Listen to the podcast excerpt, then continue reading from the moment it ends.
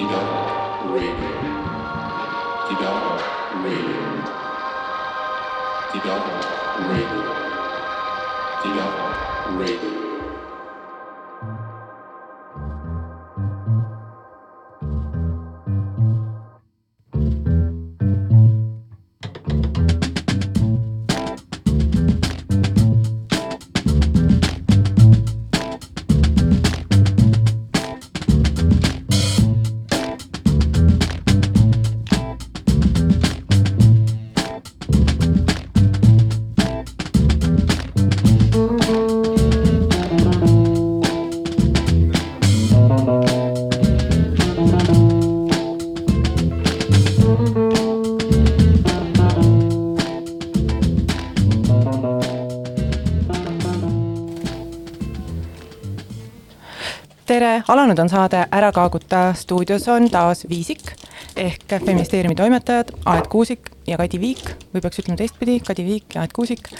ja tänased teemad on meil äh, aktuaalsed teemad, ehk siis äh, ühe uuringu järgi on EKRE kõige populaarsem Eesti erakond äh,. teiseks räägime natukene Leedu vastupanu liikumisest, sest ma käisin Kaunases hiljuti ja ja siis räägime sellest, kuidas äh, Eesti õigussüsteem äh, seksuaalvägivalla ohvri, ohvritega toimetab. ja saate viimases osas on meil külaline, meie on enda oma armas kolleeg Kaimai, äh, kes räägib, mida ta siis teeb siin. tere, Kadi! tere, Aet! kuidas sul läheb? mul läheb, täitsa hästi läheb, tänan küsimast. tore aga mis sa seal Kaunases tegid siis, räägi tead, eile oli saade äh, homokringel, just mm., issand, mul läheb kogu aeg meelest ära, homokringel või heterokringel, aga igal juhul äh, homokringli saade Ida raadios. ja kuulasin seda ja nemad rääkisid ka sellest Kaunases käimisest, kuna ma käisin seal koos tõesti äh, Heinrich Sepa ja Anette Mäletjärvega, kes on osa sellest äh, kväärvõrgustikust, mille liige ma ise olen, selle võrgustiku nimi on äh, Black Rose, Black Carnation ehk siis äh, must roos ja must nelk, mis on siis mm. kunagi sõdadevahelisel ajal Eestis asus Kompassi linnajaos, kus ma ise praegu elan asus niisugune tore ütleme praeguses sõnastuses võib-olla geibaar, mille nimi oli äh, Must Roos ja Riias oli siis Must Nelk sarnane baar mm., aga Leedust ei ole äh, siis kvääri ajaloolased tuvastanud veel, mis lille nimega ja kas üldse seal selline, selline baar eksisteeris. aga ühesõnaga, me käisime seal äh, Rebecca Põldsami ja, ja Edinas Grintševitšiuse kokku pandud siis selle võrgustikuga Pride'il, aga noh, see, selle selle reisi üks eesmärk oli siis ka seal Pride'ile minna või kõrvaleesmärk, aga tegelikult äh, oli see rohkem nagu öö, koondada inimesi, kes öö, on öö, kuidagi niisugused aktivistlikult meelestatud ja, ja kunstnikud näiteks, kes esinevad lavadel ja et siis olid seal drag king'id ja drag queen'id ja DJ-d ja, ja no mina juhtisin seal ühte vestlusringi, mis rääkis sellest, kuidas Äh, mainstream kultuur ja kapitalism söövad ära äh, kvääri äh,, kväärist kvääri mm. -hmm, mm -hmm. aga see, ma lihtsalt tahtsin sellest rääkida täna, sest et see, see Kaunases käik oli nii tore, sest et see Pride oli nii tore ja ta oli hoopis teistsugune kui, kui Tallinnas või, või ka Riias äh, on need äh, sellised üritused olnud, et, et ta nagu ei olnud selline, selline hästi nagu selline kodune ja hästi sellise sellise nagu kodune, sellepärast et tal oli hästi palju korraldajaid, et see mhm. korraldajate ring oli hästi suur, et see oli tõesti nagu vaimustav, kuidas nad on suutnud äh,, suutnud äh, selle kogukonna liikumise äh, sellisel viisil käima lükata, et tõesti selle Pride'iga seda ei korralda mingisugune kodanikuühiskonna selline professionaalidest äh, koosnev mingi organisatsioon, vaid äh, nagu noh, aktivistid selle päris, päris, päriselt nagu nimetuses et inimesed, kes lihtsalt tahavad äh, vastu seista homofoobiale ja transfoobiale. et seal tõesti oli nagu hästi palju korraldajaid ja see oli hästi-hästi õnnestus, sest et seal oli nii palju inimesi, tõesti kolm tuhat inimest tuli kohale ja Oo. ja, ja trummigrupp oli seal hästi mingi Austria, Saksamaa, Tallinna, ma ei tea, Leedus on kaks trummigruppi seal, need olid seal kohale tulnud ja üliäge oli ja, ja kui Eestis tõesti on need üritused rohkem sellised, ütleme sellised organisatsioonide juhid on seal laval, räägivad kui tähtsad nad kõik on, siis, siis see on nagu sellist asja nagu poliitikuid või mingeid selliseid juht, juhtfiguure nagu äh, ei olnud, et ikkagi oli, laval oli äh, äh, nagu LGBT inimesed või käärid inimesed, kes Mhm. võtsid sõna ja neid oli tõesti palju, et need kõned seal kestsid, ma ei tea, tunde. ja koos võeti seal selline manifest ette, mis äh, oli varem ka postitatud sotsiaalmeediasse ja ja tea, kõik siis need kolm tuhat inimest nagu kordasid, et see oli hästi võimas. mm. et väga, väga äge oli see kogemus mm. -hmm. ja vä- väga palju oli või võttis tõesti nagu mõtlema, et kuidas seda, et noh, mis, mis need on need tingimused, mis panevad sellise liikumise tööle, et see et see, et see ei ole nagu mingisugune ikkagi mingi viis inimest, kellel aega on või kes muidu ei saa või kes on ka võib-olla sellisel positsioonil, et nad tõesti, nad saavad, on ju, panna enamus oma päevast sinna, vaid need suured, suured nagu grupid mm. -hmm. kes ühed tegelesid mingi ühe asjaga, teised tegelesid teise asjaga, kolmandad kolmandaga, aga aga nad siis tulid nagu kokku seal seda organiseerima või need, need nagu äh, jõud kuidagi koondati ja tõesti seal olid mingisugused hästi noored inimesed, mingid keskkooliõpilased tõesti ja siis juba mingid äh, noh, mingid sellist meie vanused okei, et äge oli. tore. mul on äh, lihtsalt Pride'idega seoses on äh, ma arvan, üks tore kogemus New Yorgist, mis oli mingi a la üheksakümnendate lõpp ei, see oli kahe tuhandete algus, kui ma sinna sattusin, kus noh, mis oli niisugune hästi-hästi mega suur, mega võimas, aga selles mõttes huvitav, et et kõik, kes seal äh, nagu paraadis käisid, olid ikkagi ise kväärid, et nad ei olnud äh, noh, kui ma võrdlen mingi Rootsi, ma ei tea, Pride'iga, kus on äh, kõik erakonnad tulevad ja tulevad mingid diplomaatide Ja- suur, suur mingi komitee USA saatkond tuleb, mm. -hmm. et siis nad olid nagu nii-öelda omad inimesed, aga, aga üks teine tore selline Pride'i äh, äh, ütleme, pilt, mida ma olen näinud, ma ise seal ei olnud, aga mul on sõber, kes elab Ahvenamaal, kes ka mingi kümme aastat tagasi ma ei mäleta, millal see võis olla, aga postitas nende sellise esimese Pride'i ja see oli selline tolmune kruusatee nagu põhimõtteliselt mitte, mitte tundus, et see algas mitte kuskilt ja viis mitte kuskile, et see nagu ei olnud linnas tehtud foto, nii et ma ei tea nagu, mis põldude vahel nad seal käisid. ja siis niimoodi hästi hõredalt nagu, siis tundu-, oli niisugune tunne nagu mingi terve saare rahvas siis nagu käiks see täielik, ütleme, vastand siis sellele New Yorgi sellisele mega show'le. Mm -hmm. okei okay,, no tore, kas, kas liigume hästi sujuvalt EKRE peale? jaa, sul, sul kibeles seda, sellest EKRE toetusest ei, rääkima? ei, ma tegelikult ei kibele midagi. ma ei, ma ei teagi, miks ma tahtsin nendest rääkida juba, juba kahetsen aga mis sa arvad siis sellest, et selle ühe uuringu uh,, uuringu, uuringufirma järgi Nordstat, Nordstati, kes on tegelikult vist olnud kõige täpsem vahetult enne nii enne... nad räägivad, jah. või nad ise räägivad või, või ajakirjanikud räägivad? ei, vist ikkagi äh, politoloogid ja analüütikud on ka vaadanud, et äh, selles mõttes neid valimiseelseid prognoose on, äh, on need uuringud suht nagu lähedale pannud, aga mina muidugi suhtun hästi suure eelarvamusega kõike, mida MTÜ, mis on Ühiskonnauuringute Instituut, tellib või teeb, et, et see on nende püsiuuring, mida nad teevad. ja kuna nad ei ole, võib-olla ei hiilga nagu sellise professionaalsuse ja mm, ütleme siis neutraalsusega, siis ähm, vähemalt kui nad küsivad selliseid mingeid väärtuspõhiseid küsimusi või inimeste hoiakute kohta nagu, kuidas nad suhtuvad, ma ei tea, homoabieludesse või, või kuidas te suhtute rohepöördesse, kui see toob kaasa mega suure elektritõusu et siis on nagu vastused enam kui kahtlased. aga noh, jah, neid reitinguid ei ole võib-olla selles mõttes põhjust niimoodi kritiseerida. aga kas sa imestad selle üle või ähm,? või mis tundet see tekitab, selles mõttes peale ei, nende, nende, nende, nende ilmselgete negatiivsete tunnetega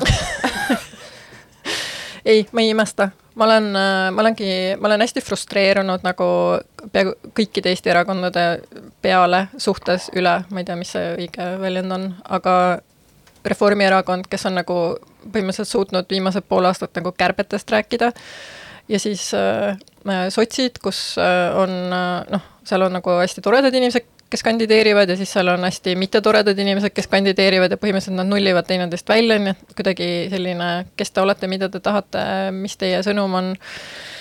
Äh, Isamaast ma ei hakka üldse rääkima. Äh, kui nüüd tegelikult ähm, midagi eelmisest nädalast soovitada, siis võib-olla Kärt Anvelt kirjutas EPL-is, tal oli mingi käsilane, kes oli osalenud mingi informant, kes oli osalenud Isamaa juhatuse koosolekul, kui nad neid äh, inimesi välja viskasid erakonnast mm. -hmm.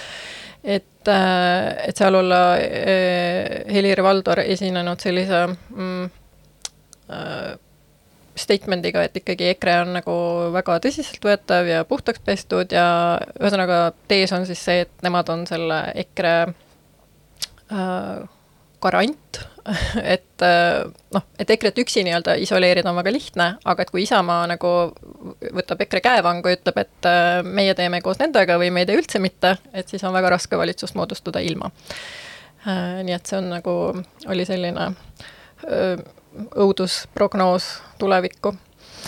aga noh, muidu tõesti, mis mind EKRE puhul ikkagi mm, hämmastab, on see, et kuidas on võimalik, et nad suudavad nii palju iseendale vastu rääkida ja vastuolulisi sõnumeid anda ja öö, valetada ja noh, üldse, et nagu võib-olla mitte isegi konkreetselt EKRE-st rääkides, vaid populistidest laiemalt, et kuidas nad suudavad sealjuures nagu seda toetust kasvatada, sest et mitte ükski normaalne erakond ei saa sellise asjaga hakkama, et nad räägivad nii-öelda ühe valijaga ühte, teise valijaga teist või et nad, ma ei tea, no mõned näited, et äh, praakame tsensuurist äh, ja sõnavabaduse suurest ohust ja ise nõuame nagu tsiilpriidikut ei tohi kuskil lasteasutuses nagu kasutada mingi materjalina.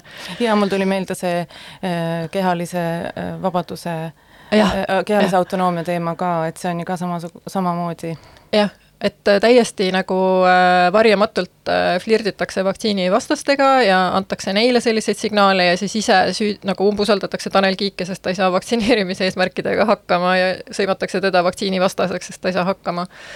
et ja, ja piiratakse või noh, selles mõttes EKRE tahab ju otseselt kehalist autonoomiat piirata. seda ka, jah, jah, jah jah, et isikuvabadused on ja kehaline autonoomia on hästi oluline välja arvatud, eks ju, kui sa oled, ma ei tea, gei või jah, just. Või siis, et äh, Euroopa Liit on äh, Nõukogude Liit ja kommunism ja rohepööre on mingi totalitarism ja nii edasi, aga et meie tuleme ja kehtestame nagu riiklikud elektrihinnad mis on hästi äh, liberaalne turumajandus või ma ei tea. et äh, ja, ja nad saavad sellega hakkama ja kui nendega kokku põrgata, siis ainsad, kes katki lähevad, on nagu kõik teised osapooled, et nemad jäävad väga terveks et.... aga see ähm, noh, ei olegi oluline, mulle tundub äh, see, need mingisugused vasturääkivused või see demagoogia, et on oluline ikkagi teiste nõrkus siin mm. -hmm. et see Rainer Kattel ja Tõnis Saarts on sellest päris pikalt rääkinud, miks see EKRE äh, äh, see on nagu tõusnud, nende toetus, ja see ikkagi räägib sellisest äh, sellest, et sellisele neoliberaalsele maailmakorraldusele ei paku keegi alternatiivi peale EKRE mm. -hmm. no muidugi näilist al alternatiivi, aga mitte keegi ei suvatse või ei ole ideid või ei ole mm -hmm. jõudu sellega tegeleda äh,, pakkuda mingisugust, mingit, mingit nagu väljapääsu töötavale inimesele äh,, ma ei tea, lihtsale inimesele ja nii edasi. ja see on, see lihtsalt noh, see on ju aastakümneid, on see, see globaliseerumise nii-öelda nendes, sel-, selles nii-öelda äh, noh, paljud inimesed ei ole sellest nagu võitnud ja lõpuks nagu tund-, need inimesed tunnevad või suur grupp inimesi tunneb, et, et, et keegi kõnetab mind ja selle, see, et seal on mingisugused valed või kattumatused, et see nagu, see ei ole väga oluline ausalt öeldes. ma mõtlen selle, äh, selles suures pildis, et on ikkagi oluline see, see julgus mingi suurelt mõtlemine, selles mm -hmm. mõttes ma ei, ma lihtsalt nagu võib-olla illustreerin kuidagi seda, seda, kuidas nad on saanud toetust, mitte et ma ise toetaksin neid loomulikult. aga et, et kus see, kus see pikk plaan ja entusiasm teiste poolt on, et seda mm -hmm. ei mhm. ole, et ma nagu, siin ei ole mitte midagi imestada. mul on sama, sama Äh, kui, jah. kui mul on see üks soovitus eelmisest nädalast, siis see äh, Tõnis Saarts ja Marleen äh, Allemann kirjutasid Sirbis eelmises, eelmisel mm -hmm. nädalal sellest. okei okay. oota, mul on veel üks soovitus tegelikult, mis on natukene kõrvalteema, aga ta, või tegelikult ta ei ole kõrvalteema, aga ta, ühesõnaga EPL-is ilmus mingisugune võib-olla kaks nädalat tagasi ühe äkki oli California ülikooli teadlane, Noel Foster, mille pealkiri oli umbes selline, et eestlane, Kremli troll räägib sulle tõtt. See on tõesti see oli päris hea artikkel. jaa, see on täiega väärt lugemine, et tema äh, iva oli siis selles, et äh, et mis puudub sel-, puudutab sellist äh, nagu infoga manipuleerimist ja, ja ka inimeste polariseerimise äh, äh, nagu takka õhutamist, et siis äh, Äh, kogu aeg räägitakse mingist valeinfo levikust, aga tegelikult nagu väga suur osa sellest infost on tõene, et ta ei olegi nagu vale, ta on lihtsalt hästi marginaalne ja marginaalse tähtsusega. aga et äh, see noh, näiteks, et võetakse mingisugune äh, uudis, millel on üliväike äh, mõju ja, ja siis seda serveeritakse nagu sellise noh, järjekordse näitena, kuidas maailmas on kõik valesti või kõik on valest, valel teel suunas et ma ise vaatasin, umbes samal ajal ilmus ERR-is on palgal mingisugune välistoimetaja, kelle nimi on Karl Kivil, kes nagu just triib selliseid uudiseid, et ta on ainus välistoimetaja seal veebiportaalis ja, ja siis ta, vahepeal tuleb selliseid noh, mingeid lihtsalt äh, uudiseagentuuride kokkuvõtteid, aga siis tuleb selline, et Roääni linnapea nagu tahab eemaldada Bonapardi äh, selle mingi ratsahobuse monumendi ja asendada selle äh, Giselle Halimi kuju vastu, kes on siis tuntud feminist. ja siis ma näen, kuidas nagu Facebook läheb pöördesse Eestis, Eestis mingid mehed on hästi mures selle pärast, Toomas Matson Riigikontrollist on väga mures, siis tema sabas on nagu pool Lauri Vahtre ja isamaalased on väga mures. See ei mõjuta nende elu absoluutselt, aga nad näevad selles väga ohtlikku trendi. Ja nad ei saa aru, et tegelikult äh, nad on osa nagu sellisest, ütleme, päris osavast infomanipulatsiooni äh, projektist, kus lihtsalt selliste äh, veits nagu ütleme, fringe teemade või mingite noh, ääreala mingite teemadega siis äh, äh, viimaselt õhutatakse rahvastevahelist vaenu et ähm, et selles mõttes on nagu huvitav, et äh, peavoolumeedia selles kaasa mängib, eriti Eesti Rahvusringhääling, et see on nagu väga mage värk, aga et äh, selles mõttes jah, ma ei ole, maksa võib-olla üllatuda, et EKRE-l hästi läheb. Aga mina tunnen ka puudust positiivsest, ma tunnen ka puudust sellist entusiasmist või noh, mingisugusest nagu ma ei tea, rõõmsast alternatiivist või midagi, millesse uskuda või millega kaasa minna. Et lihtsalt ma vaatan nende poliitikute äh, etteastumisi, mis on hästi sageli ikkagi sellised noh, ironiseerivad, nagu vastast mõnitavad, sellised, ma ei tea, ennast upitavad, aga seal kuidagi on vähe sellist äh, I believe nagu millega kaasa tahaks minna olgu, aga äkki me mängime nüüd lugu ja siis vaatame, kas sul on elus vahepeal mingit positiivset äh, impulssi no,, impulssi ka olnud? Äh, mina valisin esimese loo, see on Halsey You Asked For This ja see on tema uuelt al-, tegelikult see ei ole nii uus, see tuli suvel välja, aga tal on hästi tore album.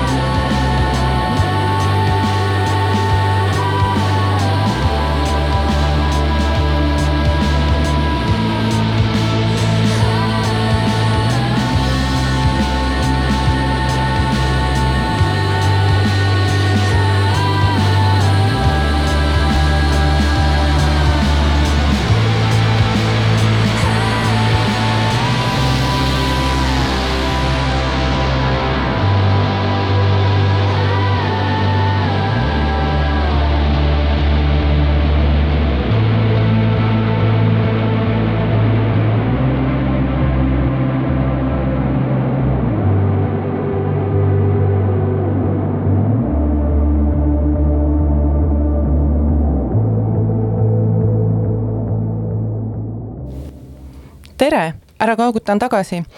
Ehm, mina käisin äh, siis vahepeal ähm, Kaunases, aga Kadi, millega sina vahepeal tegelesid? mina korjasin seeni äh, ja kirjutasin lugu sellest, kuidas Eesti justiitssüsteem kohtleb seksuaalvägivalla ohvreid, tegelikult ma, me alustasime ju samal ajal enam-vähem oma uurivate lugude tegemist aprillis vist, nii et mingi neli kuud pusisin sellega, vahepeal muidugi võib-olla oli suvi ja nii, aga aga ikkagi, ja nüüd septembris siis ma lõpuks avaldasin selle ja siis jäin kohe haigeks sellega olen mina tegelenud. ahah. No artiklit vist on ähm, äh, väga paljud lugenud, ma loodan, sest see ju ilmus ka Eesti Ekspressis. ja nüüd on see üleval äh, Feministeeriumi lehel täiesti ilma maksumüürita kõigile lugemiseks.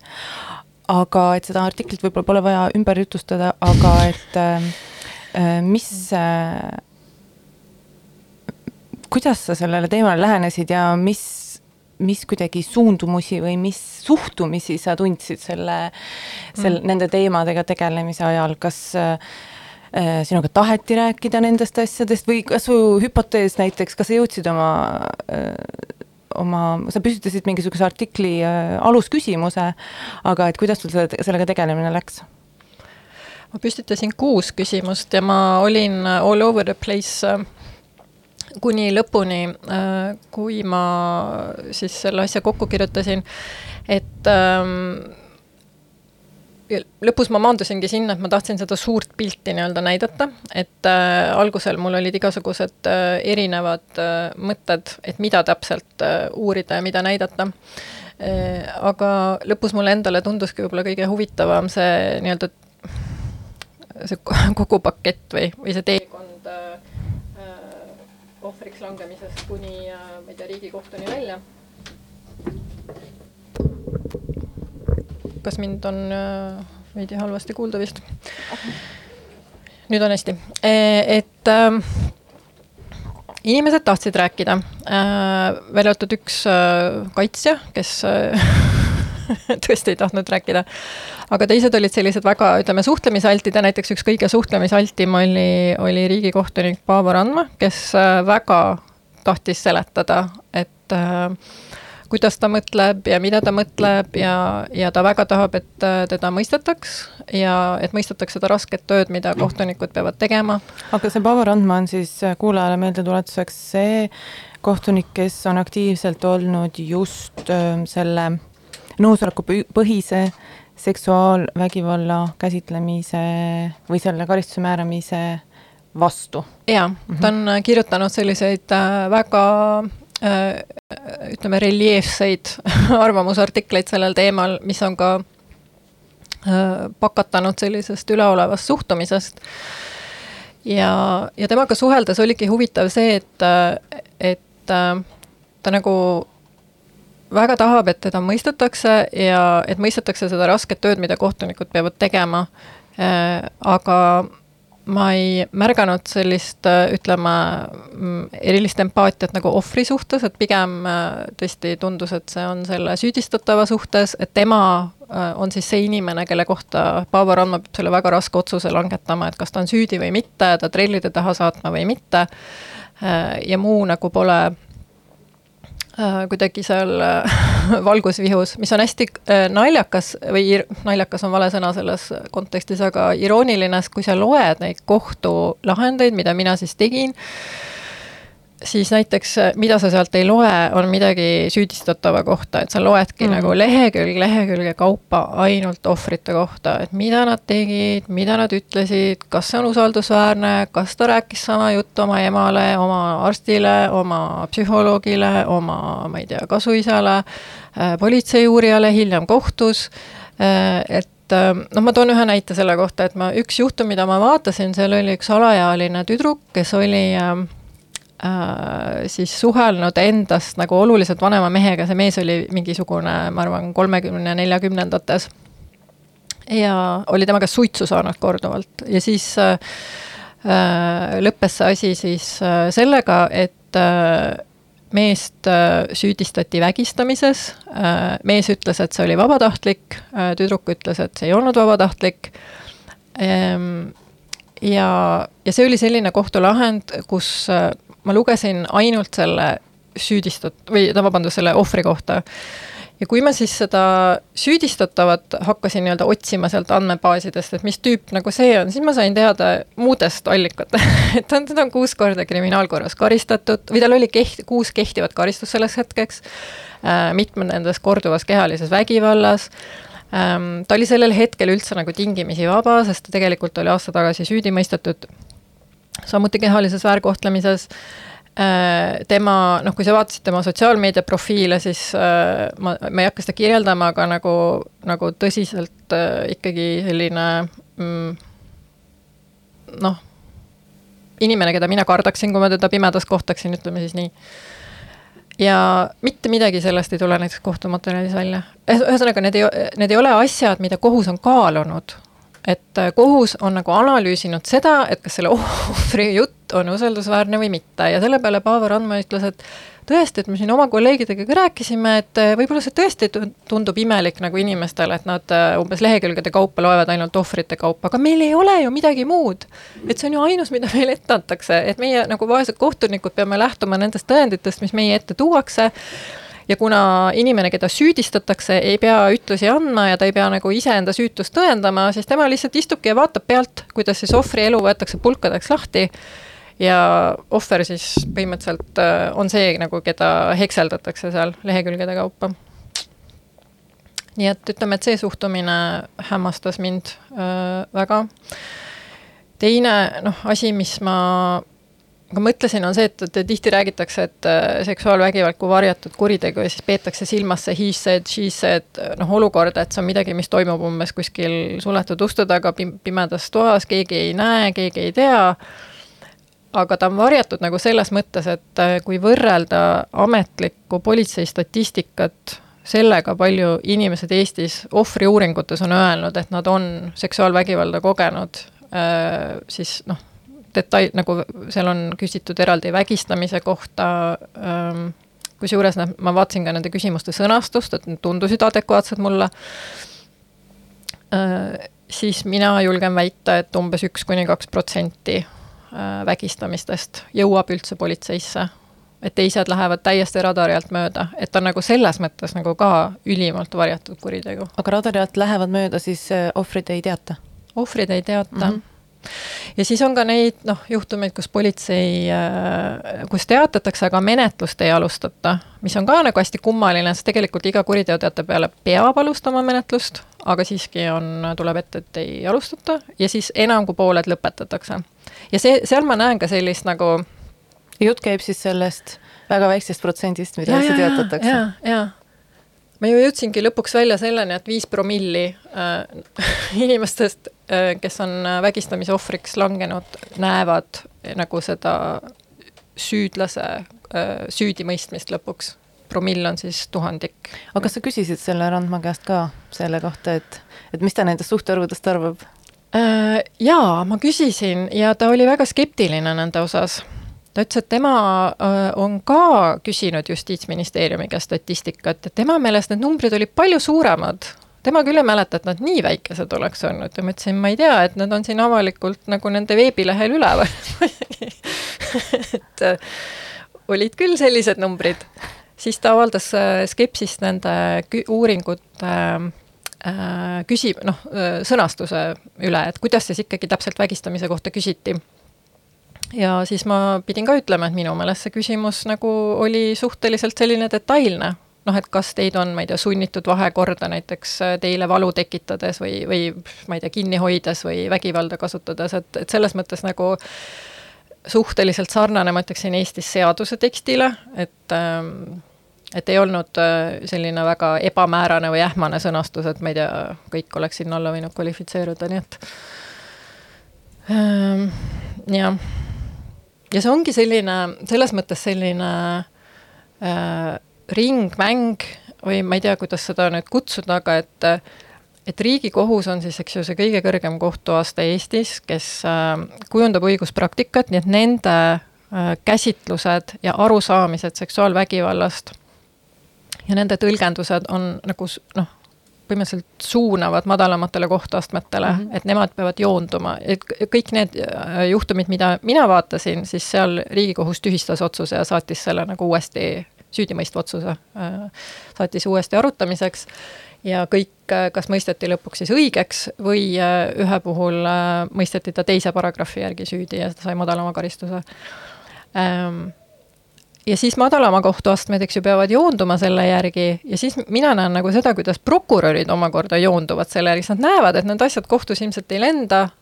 ja siis nad hakkavad ise juba seda nii-öelda noh, kohtuniku seal e e eeluurimise ajal mängima, et äh, kas asi siis ikka kvalifitseerub, et äkki sellised vigastused võisid ikkagi tekkida ka, ma ei tea vabatahtlikust seksist, et näiteks seesama alaealine, keda ma mainisin, see sigarettidega juhtum, et temal olid suguelundite vigastused mm -hmm. ja seda ei arutatud, arutati seda, et tal ei ole küünte all nahka, et järelikult see väide, et ta küünistas, ei vasta tõele.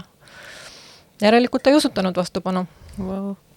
aga mida mm. räägivad need, kes ohvritega tegelevad või kes on nagu ähm, jah kes on otseses kontaktis ohvriga, sest mm -hmm. ohvritega sa ju selle artikli äh, kontekstis ei suhelnud mm, -hmm. aga sa suhtlesid inimestega, kes suhtles suhtlevad äh, ohvritega otse. jaa, ühe ohvriga ma rääkisin, aga põhimõtteliselt jah, äh, ma keskendusin neile, kes ise nagu oma igapäevatöös äh, puutuvad ohvritega kokku, tead, ma jagaksin nad kaheks valdav enamus nendest, kellega ma rääkisin, on nagu hästi-hästi mures selle pärast, mis toimub, et neil on äh,, nad ei mõista seda, nad ei mõista, miks äh, asjad ei äh, miks, äh, ma ei tea, prokuratuur menetluse lõpetab, miks seda kohtusse ei saadeta, miks kohtutes sellised otsused tulevad, nad ei mõista seda, noh, needsamad Paavo Randma mingeid arvamuslugusid, et miks sellist teksti nagu riigikohtunik endale lubab. et ähm, noh, Staiken näitas päris hästi välja ka seda, kuidas ta ei mõista nõusolekut kui kontseptsiooni, kuidas ta ütleme siis äh, arvab, et kergekäeliselt süüdistatakse mehi, et äh, et enamus nendest on noh, näevad, et süsteemis on, on midagi väga mäda, midagi on valesti, seal on suhtumine valesti, mingid praktikad on valesti, et ohvreid ei toetata piisavalt aga ma sain ka väga huvitavalt äh, teistsugust tagasisidet, ma pean ütlema küll äh,, äh, see oli nagu selge vähemus, et kui ma kokku võtan, siis vist kaks inimest rääkisid sellist juttu, üks äh, äh, siis, kellega ma suhtlesin artikli kirjutamise käigus ja teine, kes siis hiljem kirjutas mulle kriitilist tagasisidet. et et nemad on äh, väga mures sellepärast, et nemad näevad, et äh, õigusorganid on siis hästi ülekoormatud, nagu prokuratuur ja politseinik et kui neid kritiseerida, nii nagu ma ka oma artiklis tegin, äh, siis kaob neil üldse motivatsioon ja uued inimesed ei taha sinna tööle minna ja ohvrid ei saa paremat noh, tuge. et selles mõttes ma täiesti saan aru sellest perspektiivist, aga ma saaksin sellest rohkem aru, kui see tuleks mulle prokuratuurist või politseist, aga mitte nagu ohvriabist, ütleme siis nii. jaa, et lihtsalt äh, kummaline, kui kesk, sellesse kesk, vestluse keskmesse seatakse äh, politsei ja prokuratuur, mitte ohver mm, -hmm. nagu igalt poolt tegelikult mm. -hmm et äh, räägitakse raha vähesusest ja inimeste vähesusest ja kõigest sellest, aga aga mitte sellest, et kui vähe üldse jõuab neid Äh. Lugusid nagu kuskile üldse süsteemi näiteks ja, ja mida nad, mida need ohvrid peavad siis süsteemis nii-öelda läbi elama. jaa, jaa. see on Kas... äh, jah naljakas, et, et selles mõttes äh, see oli selline lugu, kus ütleme, kõigist osapooltest äh, oli hästi kahju nagu politseist, prokuratuurist ja siis muidugi ka riigikohtunikest, et neil on nii raske töö keegi ei mõista neid. palun pane ennast nagu riigikohtuniku hingadesse praegu. Et ähm, äh, jah, ma võib-olla oleksin jah oodanud neid jutupunkte nagu prokuratuuri esindajalt, mitte, mitte ohvriabi esindajalt. Mm aga kokkuvõttes oli palju õnne suurepärase artikli kirjutamise eest. aitäh, seda oli hästi huvitav teha ja ma tõesti loodan, et meil tekib võimalus tulevikus ka niimoodi süga-, süvitsi. oi, selle, selle uuriva, mina kirjutasin ka ju esimese uuriva artikli enda sel, sellise ma ei tea, ministeeriumi, ministeeriumis töötava äh,, töötamise ajal, et ma olen ju äh, pigem mingisuguseid arvamuslugusid kirjutanud ja niisama mingeid olemusteemasid ja asju, aga mitte sellist uurivat, uurivat lugu ja see on ikka täiesti teine mm, -hmm. täiesti teine ooper, et see oli nagu mingi magistrikraadi taotlemine, et, et äh, ja respekt nagu nende uurivate äh, ja selliste heade ajakirjanike, kes teevad oma tööd korralikult, nagu tõusis hüppeliselt, sest see on nii sama. raske töö mulle sama ja siinkohal tahaks tervitada meie juhendajat äh, Laura Mallenet, kes äh, lihtsalt äh, kogu aeg ütles, et kõik on nii hästi ja sul on kõik nii hea ja kõik lugu on, uuriv teema on kõik on imeline. sellest on ju palju kasu. jep. aga kas nüüd mängime mm -hmm lugu? see on sinu lugu jaa, see on minu lugu, selle loo nimi on Vatsio, mis tähendab tühi. Ja paneme mängima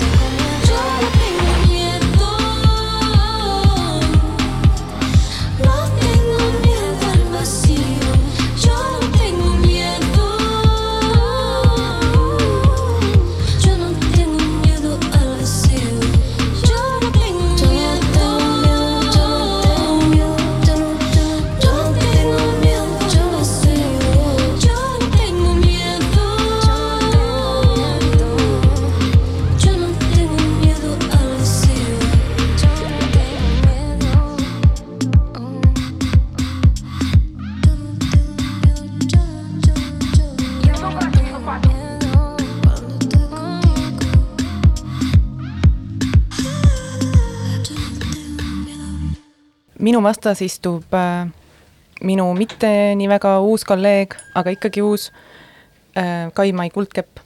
ja kui te olete Feministeeriumi Instagrami jälgija, siis teadke, et Kai-Mai teeb neid fantastilisi äh, story sid, igasuguseid kviise ja ka Instagrami postitusi, et kui te olete näinud, et meil on mingi kvalitatiivne hüpe toimunud äh, Instagramis, siis äh, selle eest vastutab nagu sada protsenti Kai-Mai. ja tere! tere! Äh, kõigepealt tahakski teada, et kes sa oled selline, millega sa tegeled, millega sa oled tegelenud enne Feministeeriumit? ma mis sul hobideks on peale Instagrami?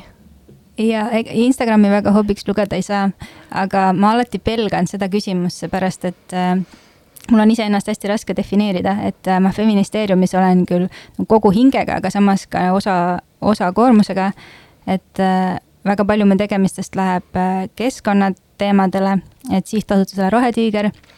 ja enne seda ma olen üldse äh, olnud täiesti teises sektoris, erasektoris, teinud äh, kõike alates äh, mäekeskuste run imisest kuni treeneri tööni, et, äh, et see on äh, ikkagi äh, enda siuksesse ühte lahtrisse lükkamine on alati hästi keeruline. aga ma ise pean ennast siukseks äh, väikseks rahulikuks nohikuks, kellele lihtsalt äh, väga meeldib ka ekstreemsport ja mingisugused natukene äh, seiklevad teemad. Väga hea, aga mis sa seal rohepöördes teed rohepöördes äh, Ro- ro, rohetiigris ro- rohetiigris, jah. ja äh, isegi seal ma teen väga erinevaid asju. et ma tegutsen mitmel, mitmel suunal, alates sellest, et on olemas akadeemia, mis siis äh, võimaldab äh, organisatsioonidel saada vajalik nagu mm, mitte nii akadeemiline, aga üsna praktiline haridus, kuidas seda rohepööret oma ettevõttes, oma organisatsioonis ja üleüldse ka siis ka laiemalt oma klientidele edasi viia. Ja teiseks ma tegelen omavalitsuste rohenägimisega, kolmandaks ma tegelen vabatahtlike haldamisega. ja et, et mul, mul ei ole nagu sihukest ühte kindlat suunda, aga see võtab kõik kokku, et minu jaoks need teemad on kõik üks, et nad tegelevad äh, otseselt ikkagi äh, meie kõigi äh, õigustega, et äh, keskkond on, on sama palju seotud äh, äh, vähemuste õigustega kui, kui äh, naiste õigused on seotud äh, kliimakriisiga ja need kõik omavahel nagu põimuvad nii hästi, et mulle tundub, et ma teen tegelikult nagu ainult sihukest hästi lineaarselt ühte asja ja siis ma lihtsalt nagu rööprähklen nagu erinevas suunas, et selle eesmärgini jõuda. aga kuidas sa, sa nagu ilusti rääkisid enda ähm, sellisest, kuidas sul on need roheteemadega tegelemised ja feminismi teemadega tegelemised lähevad äh, ühte suunda, aga kuidas sa nagu jõudsid selleni või mis on sinu teekond äh, feminismini? ja see on hästi hea küsimus, sest minu teekond feminismini on olnud hästi-hästi pikk. et ma olen äh, täiesti absurdselt hilja üldse avastanud, et ma peaksin olema feminist või et ma olen feminist sest, sest tegelikult äh, naiste õigustele ma hakkasin alles siis mõtlema, kui ma olin juba väga pikalt muude inimõiguste üle nagu südant valutanud. ja inimõigustest ma hakkasin aru saama alles siis, kui ma olin üsna pikalt juba loomaõiguste pärast muret tundnud. ja loomaõiguste pärast ma hakkasin muret tundma peale seda, kui ma olin pikka aega olnud juba vegan.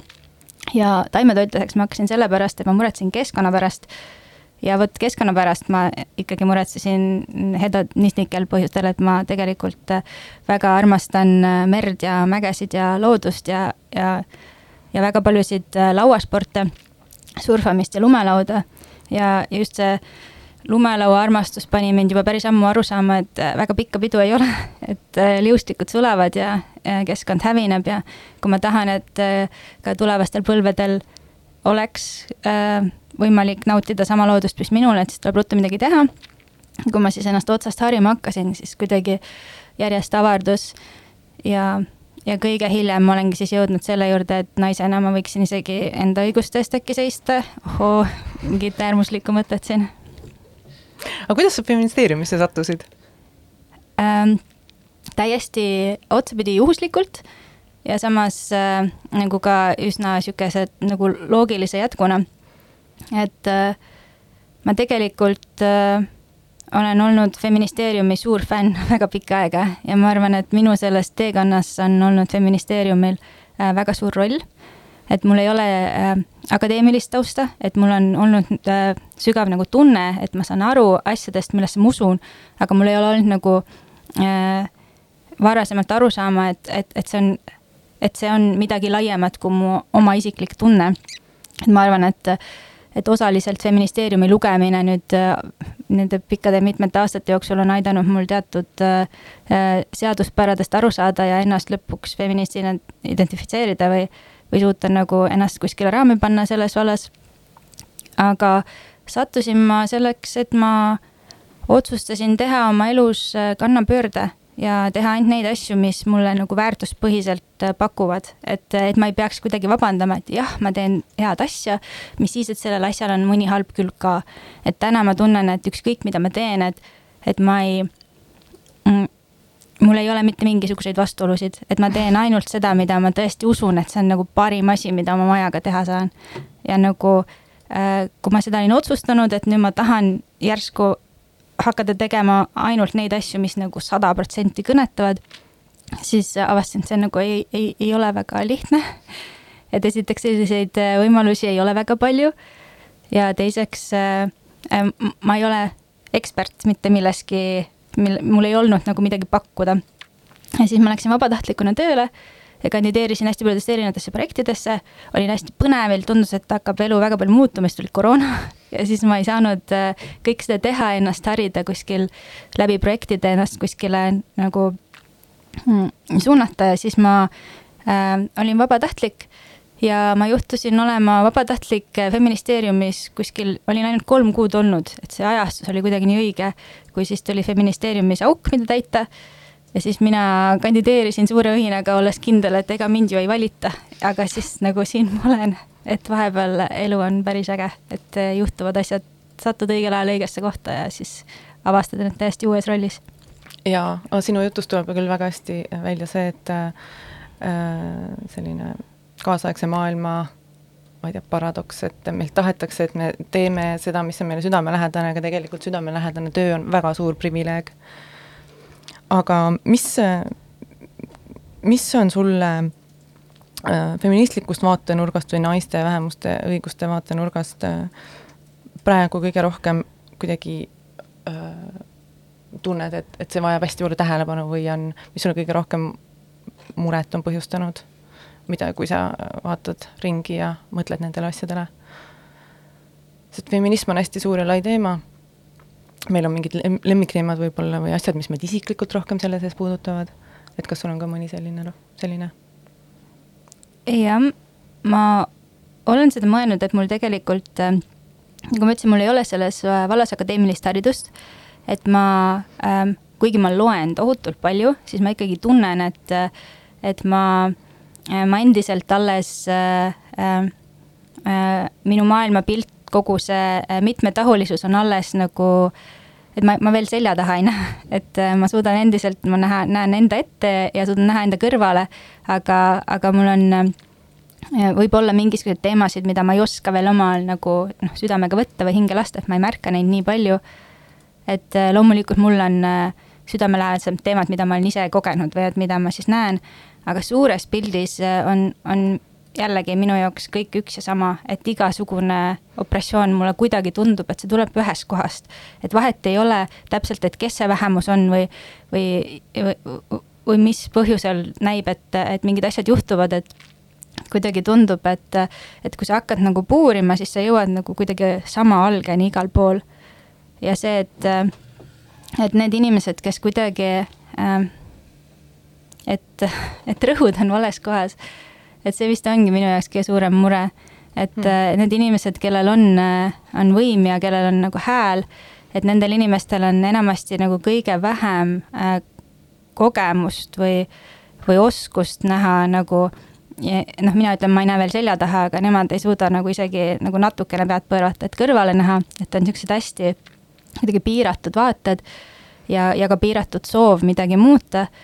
ja, ja on nii tohutult inimesi, et ma arvan, et muidu äh, ma oleksin vist väga depressiivne, kui ma äh, ei näeks seda, kui palju on tegelikult äh, inimesi ja organisatsioone, kes nagu muudavadki maailma, mitte ainult ei ürita maailma muuta, vaid et meil tegelikult ei ole ju mitte kunagi olnud nii hästi, et meil ei ole olnud kunagi nii palju õigusi ja meil ei ole olnud kunagi nii palju nagu vabadusi ja, ja seda nagu noh, võimalust, aga aga samas ma nagu näen, et, et tohutult palju on ikkagi seda, et äh, me võitleme tuuleveskitega ja siis see kõik see meeletu töö, mis äh, võiks meid kuhugi viia, see takerdub nendesse nagu seda ühte punkti, et kus on nagu need, äh, kes päriselt suudavad neid hoobasid liigutada, nemad vaatavad oma nina otsa ja oma, oma seda isiklikku kasvu ja ei suuda üldse mõista maailma väljaspool enda arusaamu, et see on see, mis mulle muret teeb.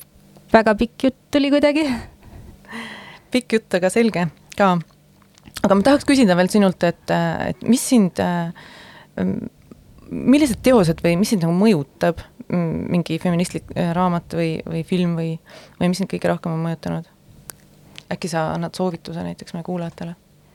ja ma, ma tegelikult äh, feministeeriumi juba kiitsin seda ma rohkem ei saa, aga ma arvan, et mind mõjutas hästi palju äh, üks äge podcast äh,, mille nimi on The Guilty Feminist, mis on koomik äh, äh Deborah Francis White'i sihuke no paneel nii-öelda, kus äh, äh, tulevad inimesed, kes äh, on feministlike vaadetega, aga nad, need on nagu kuidagi natuke patused, et nad ei tee, ei, ei tee seda feminismi enda arvates õigesti.